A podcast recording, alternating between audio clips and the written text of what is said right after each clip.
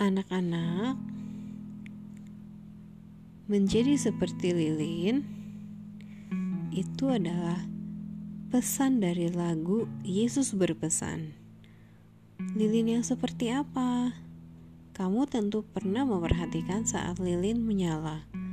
Saat sumbunya terbakar, lilin itu meleleh. Hanya dengan begitu, nyalanya mampu menerangi sekitar yang gelap. Ribka juga menjadi seperti lilin.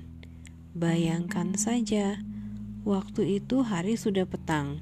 Ribka harus cepat-cepat mengambil air untuk keperluan keluarganya. Demi menolong hamba Bapak Abraham, ia rela mendahulukan memberi minum unta-unta orang asing itu. Beskits, maukah kamu menjadi seperti lilin?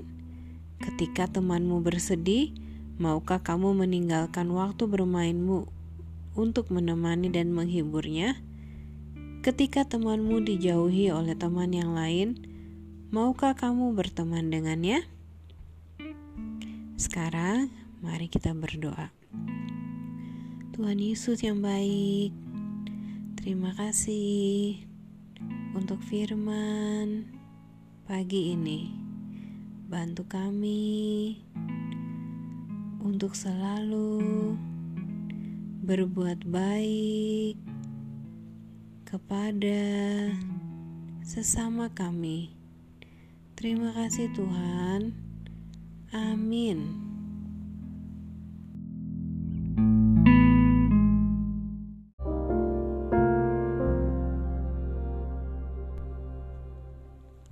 Anak-anak, Bagaimana rasanya jika doamu dikabulkan oleh Tuhan?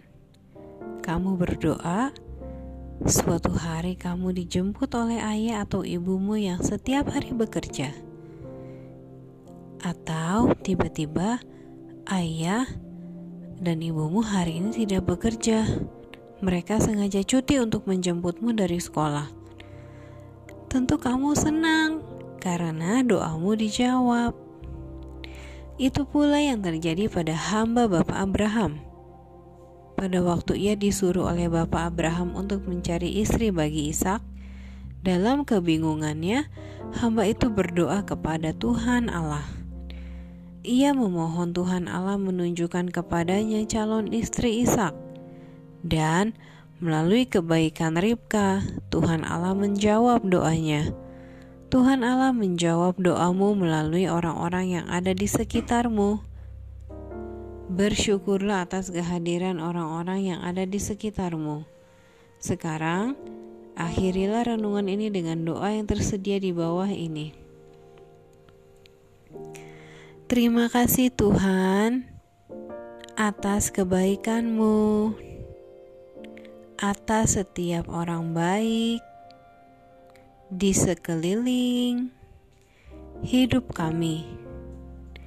Ajari kami berbuat baik bagi orang lain.